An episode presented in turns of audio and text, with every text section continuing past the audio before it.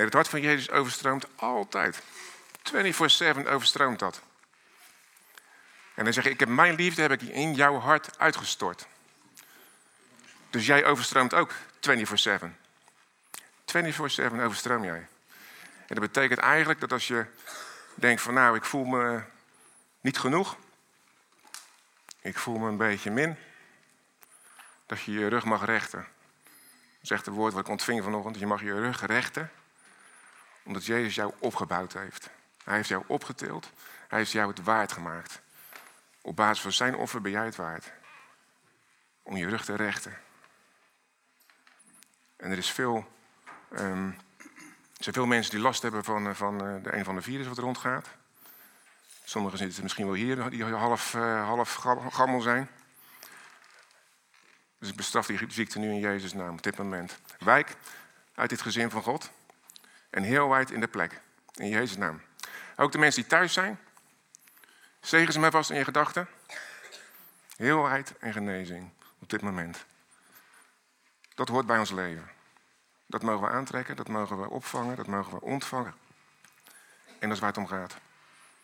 Jezus' offer is compleet, mensen. Volledig compleet. En het is allemaal gebaseerd op liefde en daar gaat het vandaag over. En er staat een uh, eerste sheet die mag op. Splitscreen, horen wij.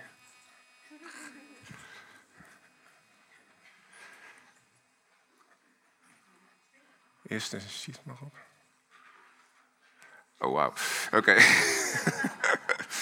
Komt goed. De eerste sheet, dat was uh, een, een, een, een, zinsnede die mij te binnen schoot toen ik het onderwerp op mijn hart kreeg. we gaan praten over Romeinen 8 vanaf, vanaf het achtste vers. Maar eerste, wat zeg je? 13 vanaf het achtste vers, zei ik. 8 vanaf, ja, okay. 13 vanaf het achtste vers. En op die eerste sheet stond, Liebe macht vrij. Als de associaties uh, getriggerd worden die niet helemaal kloppen, voor de record. De Duitsers hadden dat op de concentratiekamp op de poorten gezet. Arbeid macht vrij. En sommige mensen denken nog steeds dat arbeid vrij mag. Maar arbeid mag niet vrij. Arbeid bindt. Arbeid houdt jou onder de duim. Arbeid houdt je onder de duim. Maar liefde, de liefde, die maakt je echt vrij. En niet jouw liefde, maar zijn liefde voor jou, die maakt je echt vrij. Niet jou je best doen, niet jou je eigen kunnen, niet jou, um, ik heb het zo goed ontvangen, nu weet ik het wel. Gooi dit alsjeblieft overboord en durf eens te denken van ik weet helemaal niks. Behalve dan Jezus en die gekruisigd, zoals Paulus zegt. Paulus was een geleerde, een geleerde van de wet. Van kinds af aan. Kent hij de wet bij hart. En zei, ik houd allemaal van vuilnis. Het is niet voor mij. Want ik heb Jezus leren kennen. En hij keert jou, jouw leven ten goede. En daar gaat het vandaag over. Um, eerste sheet, alsjeblieft. Gaan we lezen. Romeinen 13, vers 8. Oh, ik zou een beetje hier blijven staan, sorry. Ja. Zijt niemand iets schuldig dan dat gij elkaar lief hebt? Want wie de ander lief heeft, die heeft de wet vervuld. Want hetgeen gezegd is, gij zult geen overspel doen. Gij zult niet doden en gij zult niet stelen. En gij zult geen valse getuigenis geven. Gij zult niet begeren. En zo er enig ander gebod meer is, dat wordt in dit woord begrepen. Gij zult uw naaste lief hebben als uzelf. Want wie de ander lief heeft, die heeft de wet vervuld. Wat doet dat met je als je dat leest? Dus vanaf vandaag ga je keihard die ander lief hebben. Want dan ben jij de wet aan het vervullen. Zo zou je het kunnen lezen. Toch? Staat er toch? Niet de eerste beste die dit zegt trouwens hoor. Dan zegt Jezus zegt het gewoon. Wie de ander lief heeft, heeft de wet vervuld en gij zult uw naaste lief hebben als uzelf. Wie houdt er van zichzelf? Drie, vier. Nou, de, maatschappij is gedoemd uh, als wij zo van onszelf houden. Maar we komen tot de koor. Want het gaat namelijk niet van, het is, ook dit is niet jouw werk. En als er staat van, wie de ander lief heeft, die heeft de wet vervuld. Er staat er niet dat jij de wet moet gaan vervullen. Dat staat daar niet. Want de wet is vervuld, voltooid verleden tijd. Amen? Amen? Oh, we zijn toch wakker, dat is fijn. Heel goed. Um, laten we maar eens iets nauwkeuriger kijken wat Jezus daarover zei. Dan pakken we even, pakken we even Lucas. Lucas 10. Vanaf het 25e vers. En de wetgeleerde stond op om hem te verzoeken. En zijn meester, wat moet ik doen om het eeuwige leven te beërven? En Jezus zei tegen hem, wat staat er in de wet geschreven? Wat staat er in de wet geschreven? Mooi hè? Wat leest u daar? En hij antwoordde en zei, u zult de Heer uw God liefhebben met heel uw hart en met heel uw ziel en met heel uw kracht en met heel uw verstand. En uw naast als uzelf. En Jezus zegt tegen, tegen hem, goed antwoord, doe dat en dan zal je leven. Er staat ook dat de wetsgeleerde kwam om hem te verzoeken. En hij kreeg het antwoord wat hij zocht. Hij kreeg een bevestiging van wat, wat hij zocht. Want de wetsgeleerden zochten het namelijk in de wet. En Jezus gaf het antwoord, hij liet hem ook de wet zien. En als de man echt eerlijk zou zijn, zou hij ook zien van ja, maar dat kan ik helemaal niet. Maar het stond wel in de wet. Dus je moest het wel doen. Dus het is belangrijk om, dat, om die context vast te houden. Als Jezus onder het oude verbond levende antwoord geeft op dingen die hem gevraagd worden. Het geeft ook een ander beeld van wat wel eens gebezigd wordt, de term What would Jesus do? WWJD. We hebben nog met polsbandjes omgelopen, geloof ik. What would Jesus do? Ja.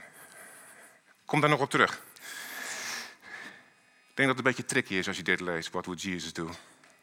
Als je begrijpt wat ik bedoel.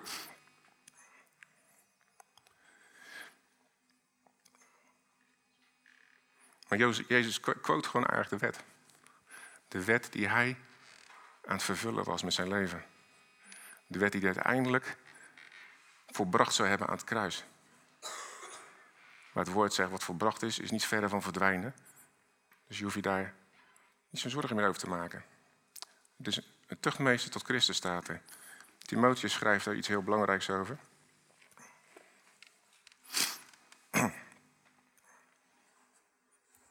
Die zal waarschijnlijk over een paar sheets verdeeld zijn, maar ik lees vanaf vers 3. Ik herinner u eraan hoe ik u, toen ik naar Macedonië reisde, ertoe opgeroepen heb in een feest te blijven, om sommigen te bevelen, geen andere leer te onderwijzen, zich ook niet bezig te houden met verzinsels en eindeloze geslachtsregisters, die meer twistgesprekken opleveren dan door God gewerkt opbouw in het geloof. Dat is voor sommigen al tenen krullen natuurlijk, want dat vinden we helemaal fantastisch. Het einddoel nu van het gebod is liefde. Het einddoel van de wet is liefde. Die voorkomt uit een rein hart, een goed geweten en een ongeveinsde geloof.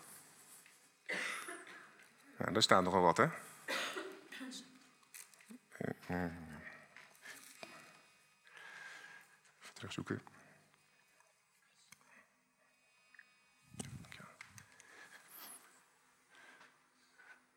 Sommigen zijn daarvan afgeweken. Ja, kan hem ook.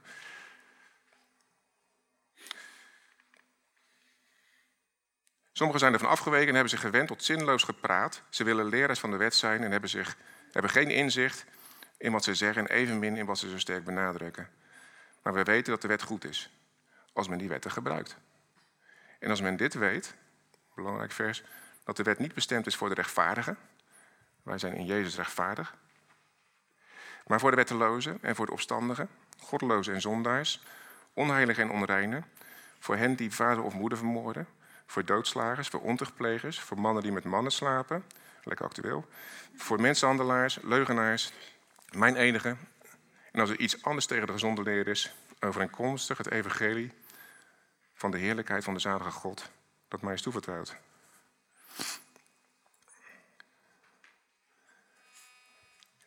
Het einddoel van het gebod is liefde die voortkomt uit een rein hart, een goed geweten en een ongeveinsd geloof.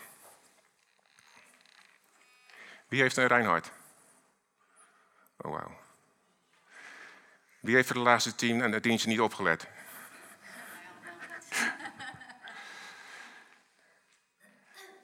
Jezus heeft jou een nieuw hart gegeven.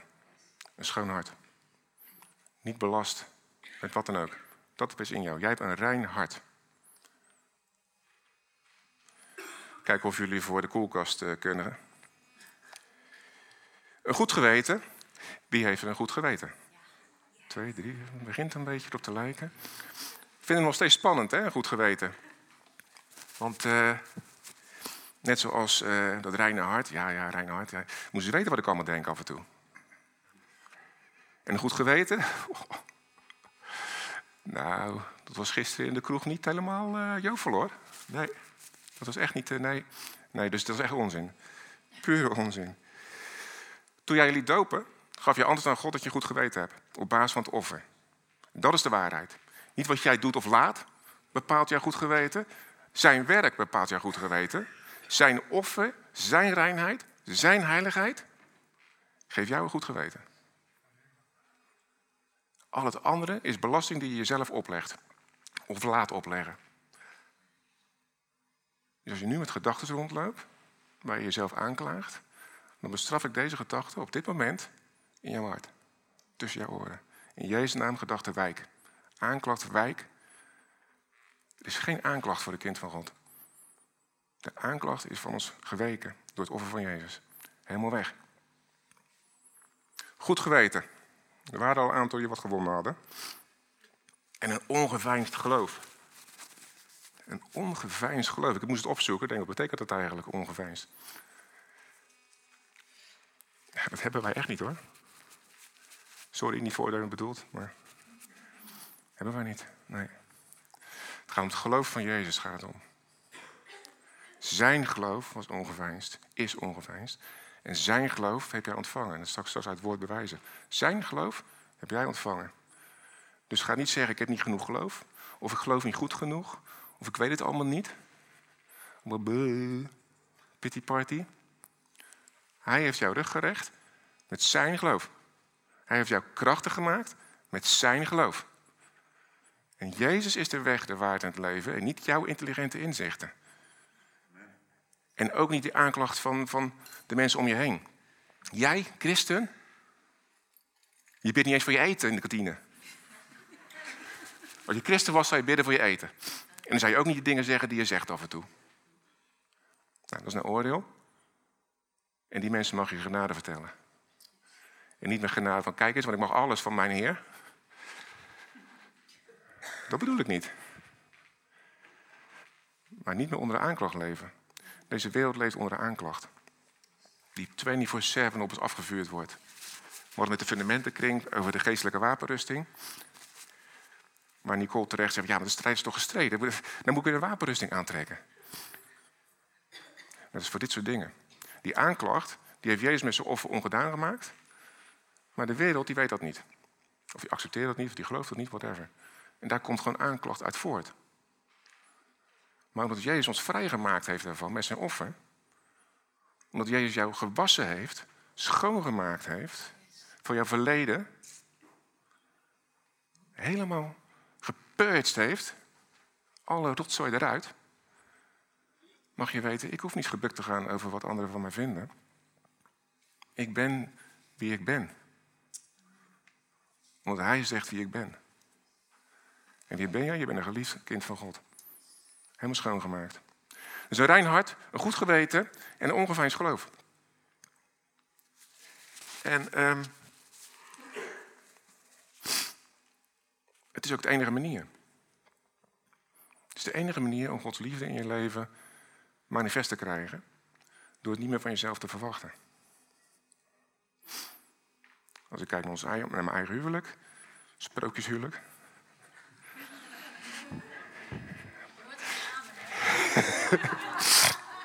ja, de, zijn die leuke zinnetjes die daarbij passen. Hè? Die boze heks die elke avond zit te wachten als ze thuis komt. Ja. Ze zei het zelf, hè? Ze zei het zelf.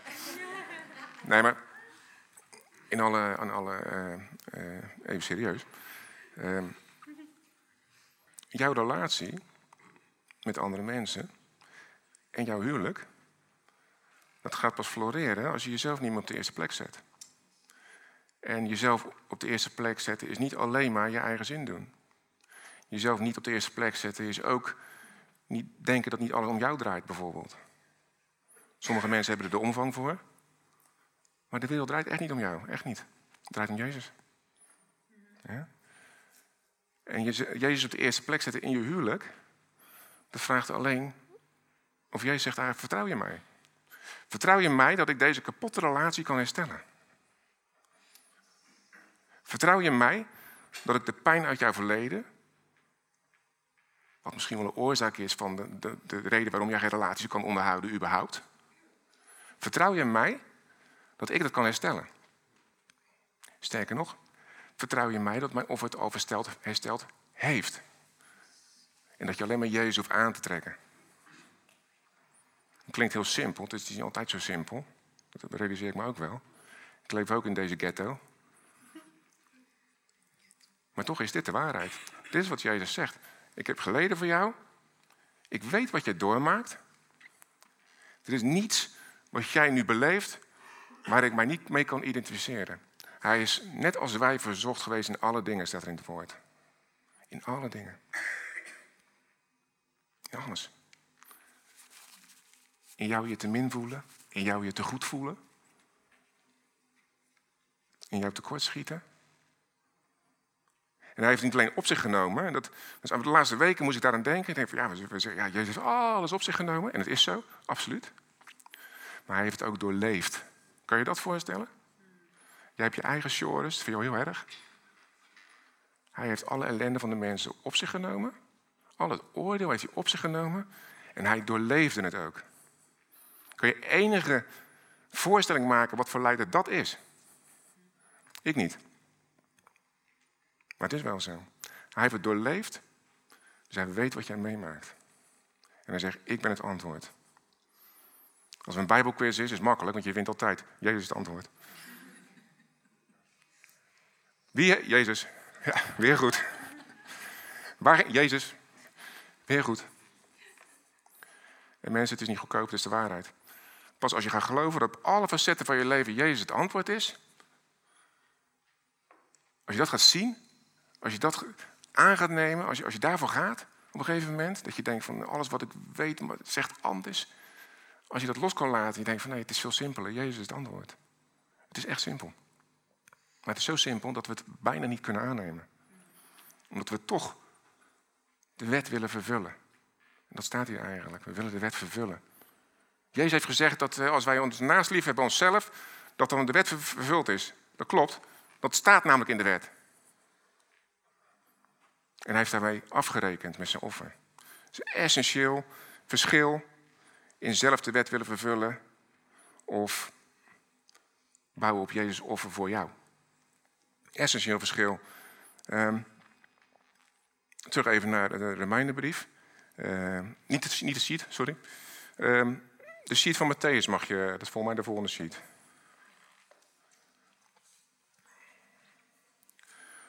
Even te bewijzen dat ik het niet zelf verzin. Denk niet dat ik gekomen ben om de wet of de profeten af te schaffen. Ik ben niet gekomen om die af te schaffen, maar om te vervullen. Dat was Jezus zijn missie op aarde, om te vervullen. Dus die populaire evangelische term van what would Jesus do? Nou, ik wil de wet niet vervullen sorry mensen. Dat kan ik eigenlijk niet. Daar ben ik niet zo goed in. Ja? Ik snap de gedachte erachter wel. Maar voor het weet ben je gewoon een kaart aan het werk, zelf. Ja, maar eh, ik moet net als Jezus zijn of worden. Zijn het woord, zoals Jezus in de hemel is, ben jij nu. Jij hebt zijn identiteit aangetrokken, by the way. Sommigen hebben nog een beetje identiteitscrisis, een beetje split personality. Maar jij hebt zijn identiteit aangetrokken. En hoe meer je daar gaat bouwen, hoe meer je daar ook naar gaat leven. Zonder dat je het zelf in de gaten hebt. En dat is gaaf, joh. Als je opeens denkt van, hé... Hey, de laatste keer dat ik een uh, R-rated film keek, is drie jaar geleden. Weet natuurlijk allemaal niet wat ik bedoel daarmee, dus dat is geruststellend. Maar... Uh, en de laatste keer dat wij knallende ruzie hadden thuis, kan me eigenlijk niet goed meer herinneren.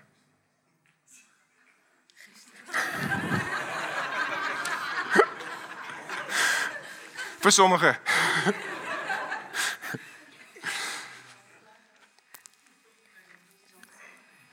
Ja, er is, altijd hoop, Rob. Nee, maar Jezus verandert jou van binnenuit. Jezus verandert jou van binnenuit. En dan is het ook echt. En dan is het ook echte verandering. Want jou je best doen uh, is me heel beperkt. Kom je best heel eind mee. Ik bedoel, uh, als je een beetje common sense hebt, weet je echt wel wat, wat, niet goed is en wat, wat wel goed is. En als je nog een beetje bijbelkennis hebt, dan weet je nog beter. Dan ga je al best wel een bevariseer lijken. Maar uiteindelijk, het gaat om hem. Het gaat om hem. Het is zo simpel. Neem het kind aan als een geloof. Neem het geloof aan als een kind. Dat hoorde u niet, hè? Neem het geloof aan als een kind. En een kind vertrouwt op zijn vader, blindelings.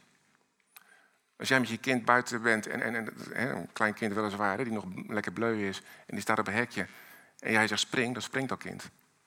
Omdat het kind erop verwacht dat je hem optilt, dat je hem opvangt. Maar wij vertellen af en toe verhalen over een God die zegt van... Oh ja, moet je maar niet van die hekje springen. Opstaan. Zo wordt God soms verkocht. Die ons lesjes leert door dingen in het leven op ons pad te sturen. Waar we denken, ja, ja, ja, dat genade voor leuk, moet kijken wat mij gebeurt. Wat God toelaat in mijn leven. Ja, laat het om me toe. Dan draai je het om. Je draait het om. Gods liefde wil jou trekken. Die trekt jou altijd. In elke situatie die je in je leven meemaakt, is voor God de handvat om zijn liefde te tonen. Hij is niet de originator, maar hij is wel de oplosser. Hij is niet degene die het veroorzaakt, hij is niet degene die het op jouw pad stuurt, maar hij is wel degene die het eruit trekt. En dat heb je nodig. Jij gaat dat niet doen. Je mag op hem vertrouwen. Hij is jou, ja, hij is gewoon, hij is gewoon jouw alles. Hij heeft alles voor jou gedaan. Dat is echt super gaaf. Maakt het leven een stuk prettiger. Um, leuke dingen die we kunnen vertellen. Ja, Galaten 5. Paulus eh, roept eh, tegen de Galaten, oh, oh dwaze Galaten, in een bepaald vers. Maar hier zegt hij, opdat wij waarlijk vrij zouden zijn, heeft Christus ons vrijgemaakt. Houd de stand en laten we niet weten een slavenjuk opleggen. Zie, ik, Paulus, zeg u, indien gij u laat besnijden, zal Christus u geen nut doen. Nogmaals betuig ik een ieder die zich laat besnijden dat hij verplicht is de gehele wet na te komen. Als je op één onderdeel van de wet struikelt, ben je een overtreder van alle geboden. Dus als je een keertje steelt, dan ben je ook een echtbreker. Dan geef je God niet de eer. Dan geef je vader moed niet de eer. Noem ze maar op, alle geboden. Als je één gebod overtreedt, je ze allemaal overtreden. Dat zegt Paulus hier. Ja. Nog een reden om niet te proberen de wet te houden. Maar wat. Uh... Oh, doe hem even terug als je wil nog, dankjewel. Laat u niet weten een slavenjuk opleggen. Dat is wat de wereld doet en wat je soms zelf doet. Dat je, naar, dat je je gaat gedragen naar omstandigheden. Dus wat op je pad komt, dat bepaalt jouw acties. Terwijl Jezus zegt van nee, dat wat in jouw omgeving gebeurt, dat, dat is wel. Maar het gaat om mij. Ik moet degene zijn op, waar jij je daden op baseert. Waar jij je acties op baseert. Want dan is uit geloof, dan is uit vertrouwen. Dan is het niet uit wat de omgeving op je pad gooit. En als je het wel doet, en natuurlijk is dat niet veroordeeld, dat bedoeld, dan laat je je eigenlijk besnijden op dat moment dan laat je je besnijden. En de Joden lieten zich besnijden als teken van, van de wet. En de besnijdenis was, was een teken van het oude verbond van God met de mensen. Onder de wet gegeven.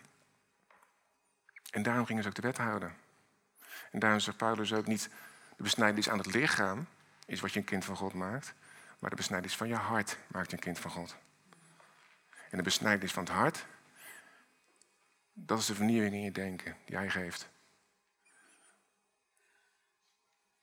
het denken wat, wat laat zien dat je, dat je niet van deze wereld bent. Ook al sta je er keihard in.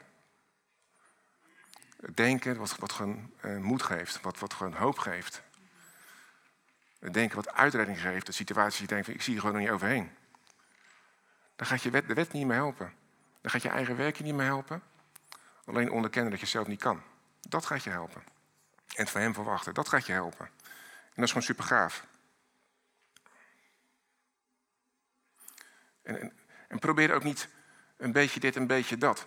In, de, in Gelaten 5 vers 9, ik weet niet zeker of ik die sheet heb. Er staat een beetje zuurdeeg doorzuurt het hele deeg. Door, ja. Ik zat te tikken, er was een type fout, van me leuk. Ik denk, laat gewoon staan. Maar het is ook een beetje zeuren eigenlijk, hè? Door, zuren, dat is eigenlijk hetzelfde. Een beetje zuurdeeg, dus een beetje wetticisme, een beetje eigen werk in je leven, doorzuurt het hele deeg. Beïnvloedt je hele leven. Dat is heftig eigenlijk, hè? moet je eens even nadenken. Plek waar je Jezus niet bijlaat, die gaat invloed uitoefenen op jouw leven. De plek waar je nog in denial bent, tekent jouw daden dag aan dag. Totdat je je overgeeft. Ook op die gebieden. Als iets niet functioneert in je leven, zei Robert altijd, staat Jezus daar niet op de eerste plek. Zo simpel. Hij heeft de eerste plek. Een beetje zuurdeeg, een beetje wet, een beetje genade. Maakt je echt een, belachelijk. Het maakt je belachelijk. Je zet jezelf verschut eigenlijk. Want wat, wat, vertel je nou? Wat geloof je nou eigenlijk? Geloof je echt dat je zelf kan? En de wereld prikt er zo doorheen, hè, wat echt is en wat niet echt is. Ja, dan heb je dan geen antwoord meer op, toch?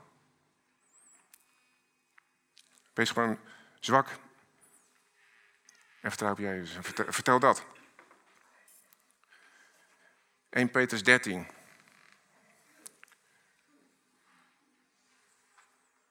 God daarom de lenderen van uw verstand, wees nuchter en hoop volkomen op de genade die u gebracht wordt in de openbaring van Jezus Christus.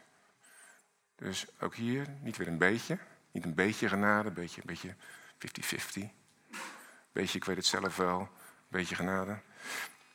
Volkomen. Volkomen op de genade vertrouwen, dat staat er. En genade soms een beetje beladen wordt, maar maak er gewoon Jezus van.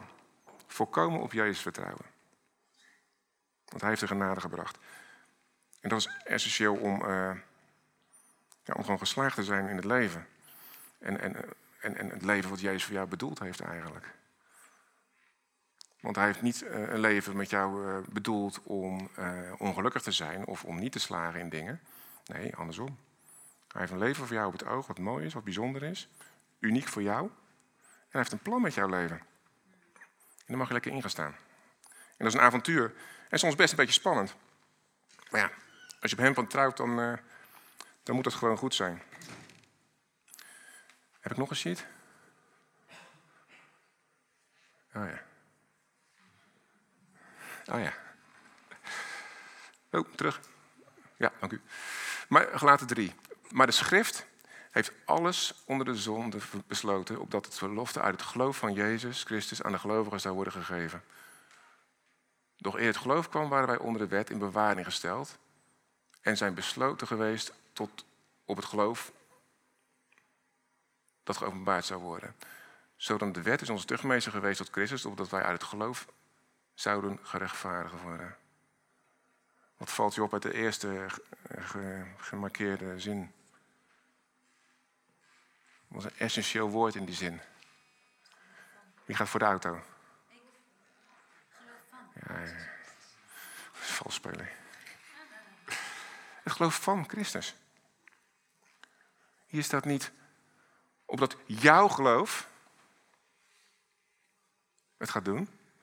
Het geloof van Christus gaat het doen. Romeinen 3, vers 22 staat precies hetzelfde. Het is het geloof van Jezus, wat Hij gedaan heeft voor jou, wat jij mag gaan ontvangen. En dat noemen we dan ons geloof.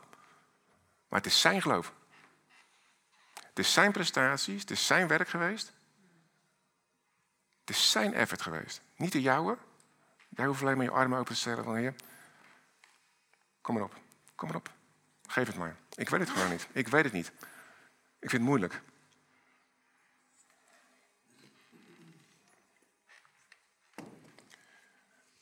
Dus als je nog een keer uh, een armbandje wilt dragen met eh, WWJD. Ik zou zeggen. Heb jij hem om? Gewoon omhouden. Alleen hou deze preek even in gedachten dan.